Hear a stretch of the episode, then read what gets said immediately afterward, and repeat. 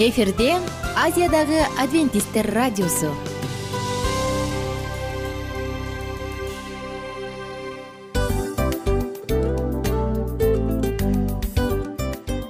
Достор салют. Баардык сүйүктүү угармандарыбызга салам айтабыз. Кутман күнүңүздөр менен. Ден соолук өмүрдүн булагы демекчи саламат саамы программасында баарыңыздарды көргөнүбүзгө абдан кубанычтабыз. Анда алгач амандашып өтөлү арбаңыздар деп. Ден соолугуңуздар кандай элибизде көбүнчө ден соолук кандай дегенде эле жакшы деп жооп беребиз э? ооруп турсак дагы жакшы дейбиз. Анан мен муну айтып ойлойт элем бул абдан сонун сөз депчи анткени бул жакшы деген үмүт да э ооба баары жакшы болот. Баары сонун. Деп үмүттөнүп атып эле өзүбүздү өзүбүз дарылап коебуз. Анысы кандай сиздин дагы ден соолугуңуз жакшы беш деген үмүттөбүз чындыгында ден соолук бул өмүрдүн булагы деп бекеринен айтылган эмес деп ойлойм. Кыргыз элинде анткени эгерде ден соолук жок болсо анда адамдын жашоосунда калган баардык керектүү маңыздуу нерселер өзүнүн баалуулугун жоготуп коет. Ошондуктан ден соолук бул эң керектүү нерсе. Ооба туура айтасың кесиптешим. Чынында ден соолугуң жок бир эки үч күн ооруп калсаң эле э кандай болуп калат? Жашоодо көз каранды болуп каласың көп нерсеге жетишпей каласың көп нерсени кыла албай каласың жада калса эшикке дүкөнгө да чыга албай каласың. Туптуура анан ден соолук болсо демек биз биздин бактыбыз тоодой деп койсок болот.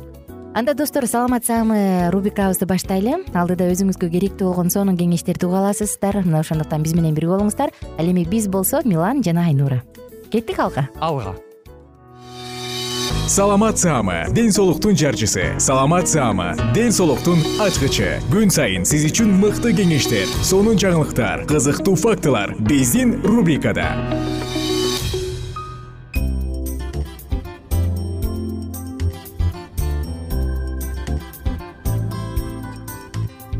Саламатсыздарбы биздин сүйүктүү досторубуз салам достор. Биздин жалпы угармандарыбызга ысык салам айтабыз дагы. Кайрадан сиздер менен бирге жагымдуу саатыбызды улантып биз саламат саама рубрикасын уланталы бүгүн сиздер менен эректилдүү дисфункция деп аталган темабызды андан ары улантабыз. Экинчи бөлүгүнө өтөбүз. Эске салсак биз мурунку уктурууда үч эсе күчтүү деп аталган смозинин рецеби менен бөлүшкөнбүз. Негизи эле тилекке каршы акыркы учурда дал ушул эректилдүү дисфункция же болбосо импотенцияга кабылган эркектердин саны күндөн күнгө көбөйүп бара жаткан чагы. Импотенциянын себептерин органикалык жана психогендик деп аталган эки чоң тайпага бөлүүгө болот экен. Ал мындай дейт да негизи. Эркектин саламаттыгы нейрогендик кан тамыр эндокриндик анатомиялык жана дары дармектерден улам дагы бузулушу мүмкүн дейт дарыгерлер бул органикалык себептерден себептерге кирет. Мындан тышкары импотенцияга стресстен психологиялык көйгөйлөрдөн улам дагы кабылуу мүмкүнчүлүгү күч. Бул психогендик себеби болот. Караңыздарчы демек нейрогендик жана психогендик түрлөрү бар. Урологдордун айтымы боюнча алар мындай дейт. Органикалык себептен улам импотенцияга кабылган эркек сөзсүз түрдө психологиялык жактан дагы жабыркайт экен. Айрым учурда бир эки жолу болбой калган саламаттыгы жакшы эркек ошол учурларын эстеп аял менен жакындашууга тоскоолдукка дагы кабылышы мүмкүн дейт кийин. Ошондой эле эркектин төшөктүк алсыздыгына эмне себеп болгонун жана аны туура дарылоо жолун дарыгер гана так белгилей аларына токтолушат. Э, бул урологдор. Дарыгерлердин айтымында медицинадагы бүгүнкү жетишкендиктер импотенцияны мурункудай оор илдет катары кабыл албайт. Тагыраак айтканда аны айыктырат дешет экен. Мына достор караңыздарчы жүрөк кан тамыр нерв жана эндокриндик илдеттери бар эркектер кырк жаштан өткөндөн кийин импотенцияга кабылышы мүмкүн тилекке каршы. Бул тууралуу америка кошмо штаттарынын окумуштууларынын иликтөөсүнө таянып газета ру басылмасы бир учурда жазып чыккан. Эрекциялык функциялардын бузулушу импотенция бул өз алдынча оору эмес. Жүрөгү ооруган нерв жана эндокриндик системасында мүчүлүштүктөр бар эркектер кырктан өткөн соң төшөктө алсыз боло баштайт бара бара бул нерсе бир топ эркектерди катардан чыгарат деп жазылат макалада. Андан тышкары склероз өнөкөт простатит өпкө оорулары невроз жана депрессия дагы эркекти импотенцияга кептейт дейт. Караңыздарчы. Окумуштуулардын божомолдоосуна караганда эки миң жыйырма бешинчи жылы үч жүз миллион эркек импотенцияга учурашы мүмкүн. Муну адистер эркектердин өз ден соолугуна шалаакы мамилеси жана жыныстык ден соолук тууралуу маалыматтын жоктугу менен байланыштырып келишет. Дүйнөлүк статистикага караганда эркектик касиеттен ажырап калгандардын көпчүлүк бөлүгү интимдик жашоосу тууралуу дарыгерге айтуудан тартынып жүрүп ушул абалга жеткен. Экинчи жарымы айрым учурда көйгөйлөр болуп жатканын билип турса дагы баары бир баары нерсеге ыраазы болуп жүрө бергендер дешет окумуштуулар кандай гана өкүнүчтүү дейсиң э бул нерсени угуп туруп кандай гана өкүнүчтүү дейсиң? Адамдын жашоосу кырк жаш менен эле токтоп калбайт да. Андан ары уланышы керек. Андан ары кетиш керек. Биз мурунку уктурууда импотенция бул жашоонун акыры эмес деп айтканбыз. Эсиңизде барбы? Жана бул нерсе менен күрөшүп адам жеңсе болот экендигин дагы айтканбыз. Эң коркунучтуусу бул баягы психологиялык деңгээлде болгондугу э баягыдай болуп калбасын деп коркот дагы анан өзүн өзү баягы ооздуктап отуруп бул нерсе ошол адатка айланып калат экен. Албетте мындай нерседен улам көптөгөн үй бүлөлөр бузулушу мүмкүн. Бүгүн сиздер менен биз достор табигый виагра деп аталган смузи менен бөлүшөлү деп турабыз. Табигый виагра деп аталган смузи эркектин жыныстык органына эркектин эле эмес аялдын да негизи эле жыныстык органга кандын жакшы келишин жакшыртат анткени анын курамында үч негизги нерсе турат. Алар эмнелер анда кененирээк айта кетели. Дарбыз анын курамында цитрулин бар. Бул эң эле сонун укмуш аминокислота дал ушул арбуздун курамындагы цитрулин эркектин жыныстык органына кандын жакшы келишин шарттайт. Арбуздан тышкары ликопендин жакшы мыкты булагы болуп ошол эле пигменти бар сонун томаттар же помидорлор дагы саналат. Булар простатанын рак оорусунан дагы коргошот. Жана ошондой эле зара кубалоочу касиети бар болгон мыкты сонун азыктардын баардыгын киргизсек болот. Банан банан калийге бай. Ал анын курамында б витамини бар. Жана ошону менен бирге артериялардын баардыгын жакшы абалда сактай алат. Жана грек жаңгагы ал аргининге абдан бай аминокислотанын бирден бир түрү. Кан айланууну жакшыртат жана кан тамырларды кеңейтет табигый виагра деп аталган смузи достор. Адамдын ден соолугуна эркектин эрекциясына дагы мыкты жардам берет. Жана албетте аялга дагы жакшы жардам берет. Таң мунун бирден бир артыкчылыгы аялга дагы эркекке дагы бирдей бир жардам бере алат экен. Табигый виагра деп аталган кадимки эле сокко сок дары дармектердин жөнөкөй жана виагра деген дары дармектердин айтор жүрөктүн иштешине таасир калтыруучу ар кандай ар кандай дары дармектердин ордуна колдонуп ичсе абдан пайдалуу. Ингредиенттер анда. Бир кесим дарбыз эки банан эки грек жаңгагы керек. Оп оңой караңызчы бир кесим дарбыз эки банан эки грек жаңгагы блендерге дарбызды бананды салып аралаштырыңыз. Дарбыздын семечкаларын албай деле койсоңуз болот анткени аны жесе болот э. Жана ошондой эле жаңгакты майдалап алыңыз анан кийин анын баарын стаканга салып аралаштырып туруп бере берсеңиз болот. Караңызчы жөнөкөй жеткиликтүү жана абдан эффективдүү. Күнүгө ичип туруу сунушталат бир нече күн бою катар.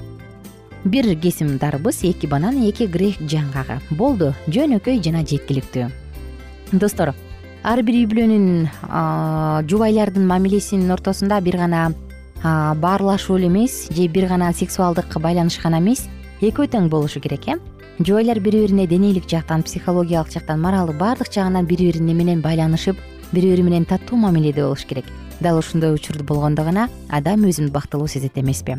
Бактылуу сезиңиз өзүңүздү анткени сиз бактылуу болууга татыктуусуз.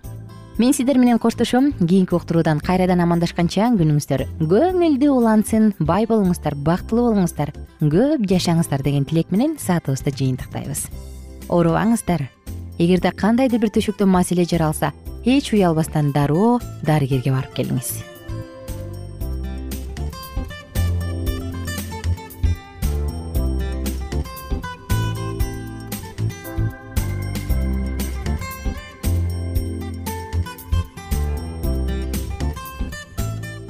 Кененирээк маалыматтар үчүн үч w чекит саламат чекит клуб сайтына келип таанышыңыздар.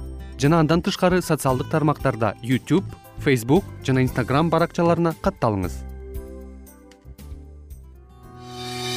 Саламат саама ден соолуктун жарчысы. Саламат саама ден соолуктун ачкычы. Күн сайын сиз үчүн мыкты кеңештер сонун жаңылыктар кызыктуу фактылар биздин рубрикада.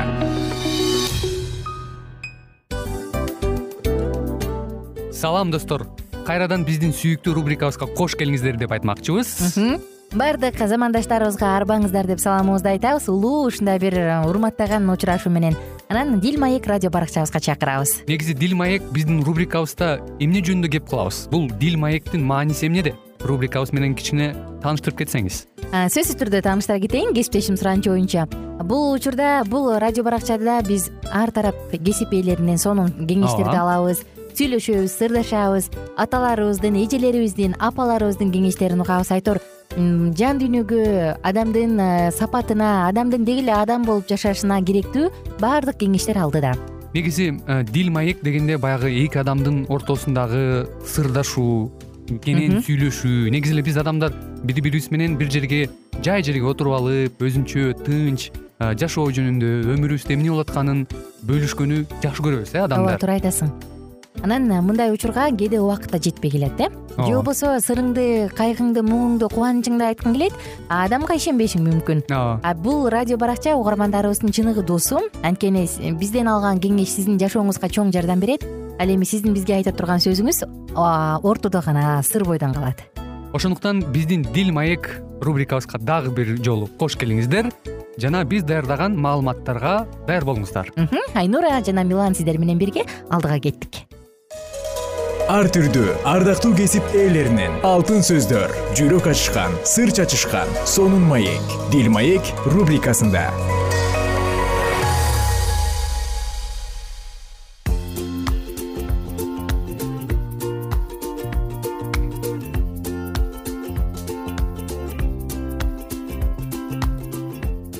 Кутман күн достор. Жалпы биздин сүйүктүү угармандарыбыз менен кайрадан амандашып жагымдуу саатыбызды баштадык. Жана улантабыз эске сала кетсек биз мурунку окторубузда шун эмдик аял жөнүндө сөз кылып жатканбыз. Биз бүгүн аны улантабыз. Бул цикл аял жубай жана эне деп аталат.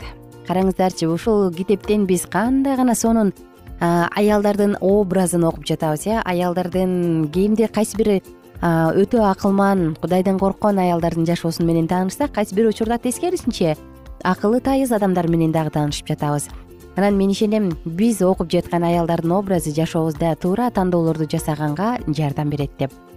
Шун эмдик аял биз мурунку окторубузда бул шун эмдик аял бай аял болгондугун айтканбыз эсиңиздеби анан анын күйөөсү картаң бирок баласы жок колунда байлыгы бар көп нерсени үйдө чече алган бирок жолдошун урматтаган аял дегенбиз анткени анын жүрөгү таза болчу. Анан ал өзүнүн үйүнө элиша пайгамбарды анын кулу менен кошо биздин үйдө жаша мен сага кудайдын адамы үчүн эмне кыла алам? Дейт дагы үстүңкү бөлмөдөн сонун баардык э, ыңгайлуу баардык жагынан ыңгайлуу болгон бөлмөнү коюп берет дагы анан бул жакта жаша деп суранып атат. Эми бүгүн достор андан ары улантабыз. Ошондой э, элиша пайгамбар мындай деп атат э сен бизге аябай жакшылык кылып атасың көп. Эми эмне каалайсың? дегенде жок мага эч нерсенин кереги жок. Менде баары бар дейт баягы аял. Ошондо э, элиша анын куулу баягы гейхази анын баласы жок дейт анан элиша эмки жылы туура бир жылдан кийин ушул убакта уулдуу болосуң деп атат. Андан ары уланталы кеттик. Ыраазы болгон аял мындай дейт. Менде баары эле бар. Эч нерсенин кереги жок деп жооп берди. Бирок баамчыл гейхази анын баласы жок деди. Пайгамбар аялга бир жылдан кийин так ушул убакта уулдуу болосуң деп убада бергенде аял ага ишене албады. Жок мырзам деди ал. Кудайдын кишиси көңүңдү алдаба бирок ошондой болсо да кудайдын керемети көрсөтүлдү. Бир жыл өткөндөн кийин аял уул төрөдү. Үч төрт жашка чыгып калган баласы бала атасы менен талаага барды. Талаадан ага күн өтүп кетти. Бир нече сааттан кийин бала өлүп калды. Энеси уулунун жансыз денесин пайгамбардын бөлмөсүндөгү анын төшөгүнө жаткырды. Ал жерде бала үчүн көп сыйынуулар болду. Аял бир гана чыгуу жолун билет кудай. Ага уул берген кудай гана жардам бере алат. Ал кармел тоосунда жүргөн пайгамбарына шашылды. Мүмкүн ал бул учурда бир жолу сарипаттык жесир аялдын баласын тирилткен ильяс пайгамбарды эстегендир ким билет? Элишага ошол пайгамбардын руху түшпөдү беле убакыт күтпөйт. Ал күйөөсүнө пайгамбарга барып келиши керектигин айтты. Майда баратына чейин түшүндүрүп отурууга убакыт короткусу келген жок бул кырк километр аралык ага мурда ушунчалык узак сезилди бекен ал бул жолду катар барганымдын кажети барбы? Уулум өлүп калбадыбы? Деген ойлор менен жүрүп отурса керек. Канчалаган кыйынаган суроолор анын тынчын алды дейсиң. Аябай шашып жаткандыктан элиша элишага тезирээк жетиш үчүн эчегин камчыланды. Жамандык болгондугун уккан пайгамбар аялга жардам бериш үчүн кызматчысы гейхазине кошуп берүүнү каалайт. Бирок аял бул үчүн келген эмес эле. Сени менен барсаң гана кетем сен мени менен. Мен уул сурадым беле деди ал чечкиндүү түрдө. Ал муну менен мен өз жашоомо ыраазы элем тагдырыма баш ийген элем. Бирок эне болуу бактысын сезгенимден кийин баламдан ажырай турган болсом кайгым бул бакытты сезбей жүргөндүгүмө караганда алда канча оор болот деген оюн айткысы келгендей. Анын балалуу болушу үчүн кудай алдында арачылык кылган адам жардам берген бербегенде башка ким жардам берет ага? Аял элишага жардам берген. Эми андан ошондой жардам күтүп жатат. Ал көшөрүп туруп алгандыктан элиша аны менен барууга макул болду. Бир кездеги илья сыяктуу ал аялдын үйүнө келди да жансыз баланын үстүнө жатып сыйынып аны тирилтти. Шунемдик аял баласына экинчи ирет ээ болду. Биринчи жолу баласын төрөгөнүндө болсо экинчи жолу ал тирилгенинде болду. Эми ал баланы көргө коюуга даярданбайт ал той берет. Аялга берилген бата жалгыз эле бул эмес. Бир нече жылдан кийин өлкөдө ачарчылык коркунучу туулду пайгамбар аялга бул тууралуу өз убагында эскерткендиктен аял үй бүлөсү менен башка жерге көчүп кетти. Эми ачарчылык ал үчүн коркунучтуу эмес. Жети жылдан кийин кайтып келип падышадан өз үйүн жана талаасын кайтарып беришин сураганда ага сураганын эле эмес ал кеткенден тарта талаасынан түшкөн кирешени да толугу менен кайтарып беришти. Эмне үчүн анткени ал уулун тирилткен пайгамбарга элишага жакшылык кылуу аркылуу кудайдын падышачылыгына байлык топтогон аял болчу. Бул жерден библия библияда айтылган бетанияда жашаган дагы бир меймандос үй бүлө жөнүндө кантип эстебей коюуга болот. Бул үйгө ыйса шакирттери менен көп келе турган. Лазарды тирилтүү керемети ушул үйдө болуп өткөн. Шунемдик аял чыгармачыл ой жүгүрткөн аял бул аял башка адам үчүн чын жүрөктөн көргөн камкордугунун аркасында агын суудай төгүлгөн батага ээ болгон. Берешендик менен берген адамга жүз эсе кайтарылып берилет. Жашоосунда баардык нерсени кудай үчүн жасаган адамга ушундай болот. Бул аял жакшылык жасаган жасоо деген сөз жаратуучу деген сөз менен үндөш. Эң улуу жаратуучу болуп кудай теңир эсептелет. Бул аял кудайга болгон ишеними жана таянуусу күчтүү аял жашоосунун ар кыл тарабында чыгармачылык менен иш жүргүзгөн бир адам бир жолу эң жакшы ойлорду мен сыйынуудан алам деп айткан экен. Шунемдик аялдын кызматы бетселел менен алыяптын жыйын чатырын куруу кызматы сыяктуу кудай үйүндөгү көрүнүчтүү кызматтан эмес беле. Бул үй тиричилиги менен алектенип жатып кудайга кантип кызмат кыла ала тургандыгы жөнүндө ой жүгүртүү эле бул да мактоого арзылык. Кудай муну баалабайбы? Баалайбы аял ушул кызматы үчүн сыйлыкка ээ болобу. Шунемдик аял жөнүндөгү окуяны билгендердин эч кимиси мындан шектенбейт. Замандаштар бүгүн сиздер менен шунемдик аял жөнүндө сөз кылдык. Дал ушул адамдын жашоосу бизге дагы үлгү болсо экен. Коштошобуз жана кийинки уктуруудан кайрадан амандашканча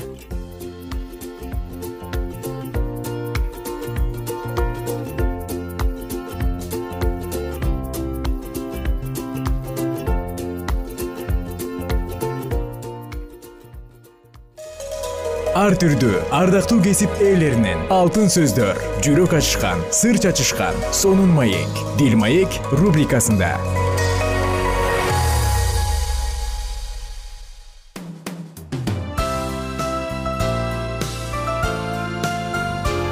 Эфирде азиядагы адвентисттер радиосу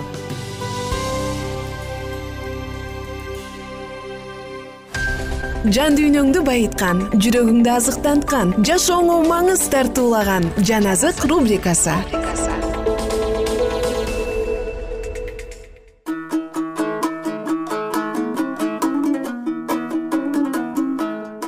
Салам достор. Жалпы биздин сүйүктүү угармандарыбыз менен кайрадан амандашып жагымдуу маанайда саатыбызды улантабыз. Жан азык уктуруусу даниэль китеби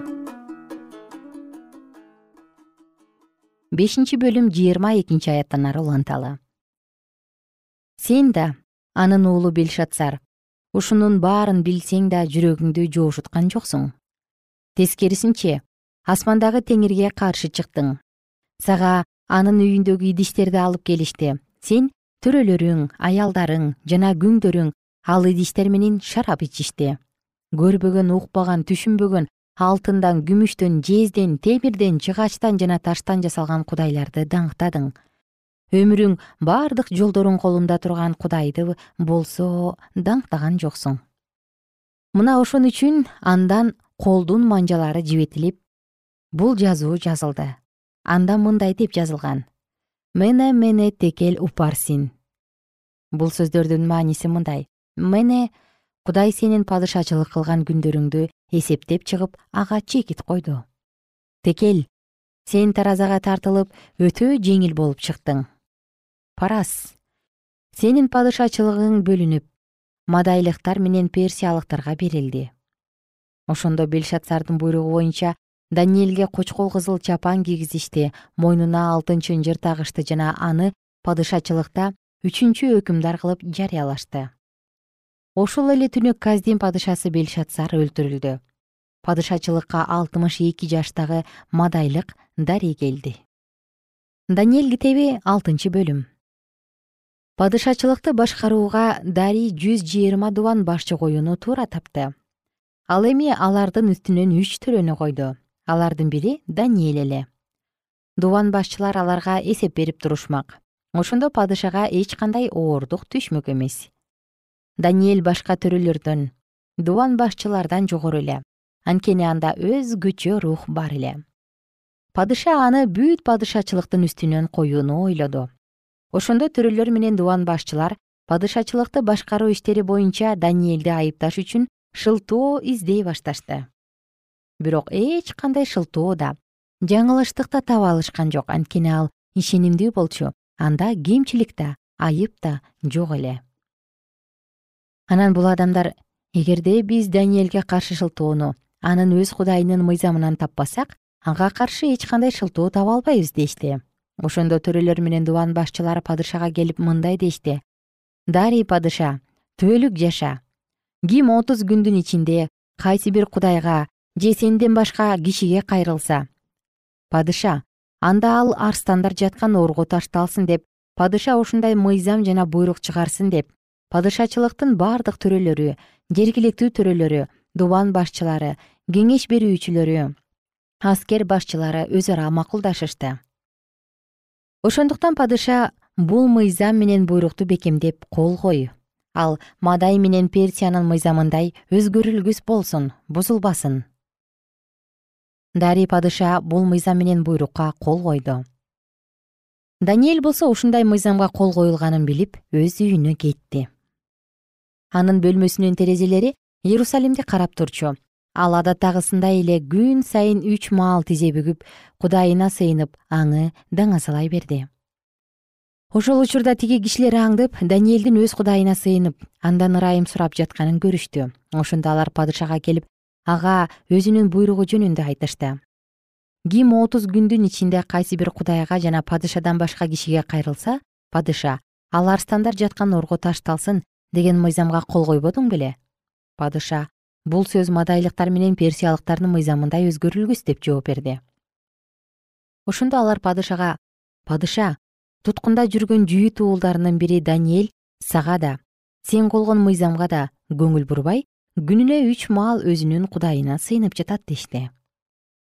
Падыша муну укканда аябай кайгырып жүрөгүндө даниэлди сактап калууну чечти. Ал турсун аны күн батканга чейин куткарып калууга катуу аракет кылды.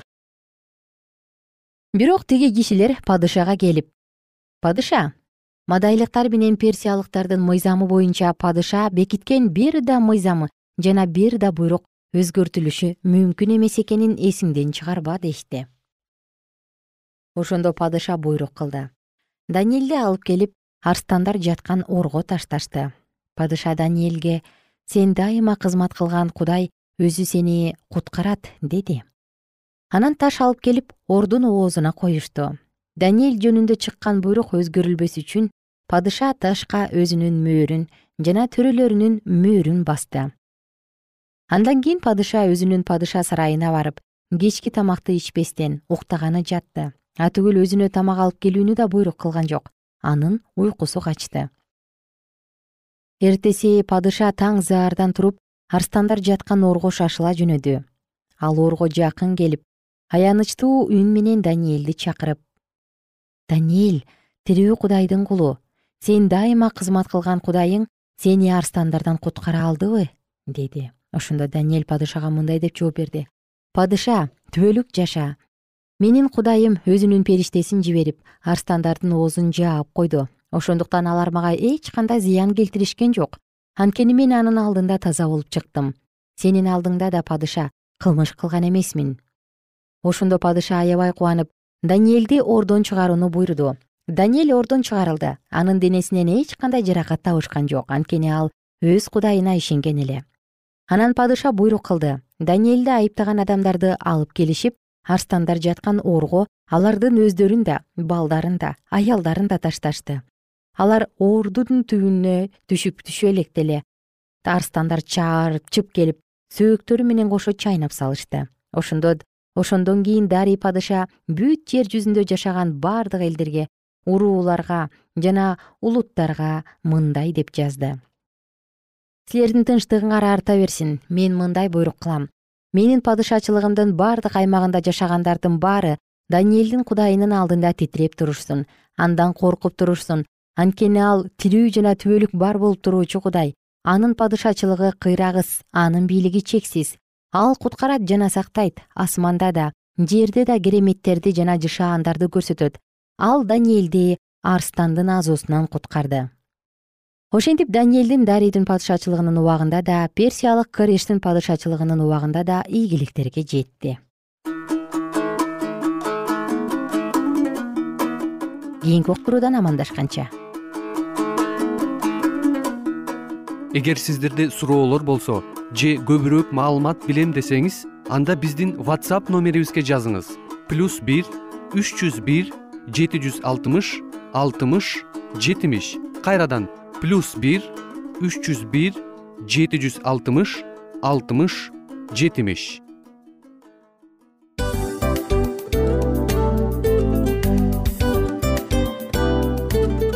ушул менен достор программабыздын уктуруубуздун эң кайгылуу мөөнөтүнө келип жеттик. Кайгылуу дегенде ыйлагым келип кетти кесиптеш.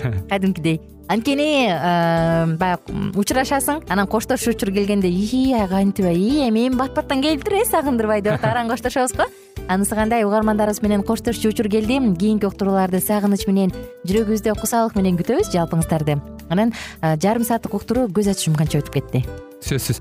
Бирок бизде жакшы кабар бар. Кийинки уктурууларыбызда сөзсүз дагы кезигишебиз. Анткени биз көптөгөн сюрприздерди кызыктуу маалыматтарды жана керектүү керектүү нерселердин көпүнчөсүн даярдадык.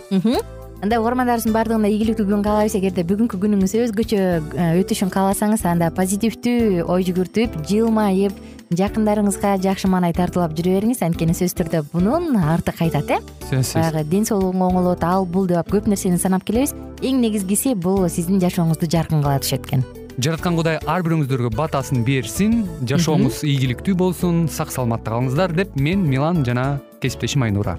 Баардыгыңыздар менен кийинки уктурууда үн алышканча. Баарыңыздарга ийгилик каалайбыз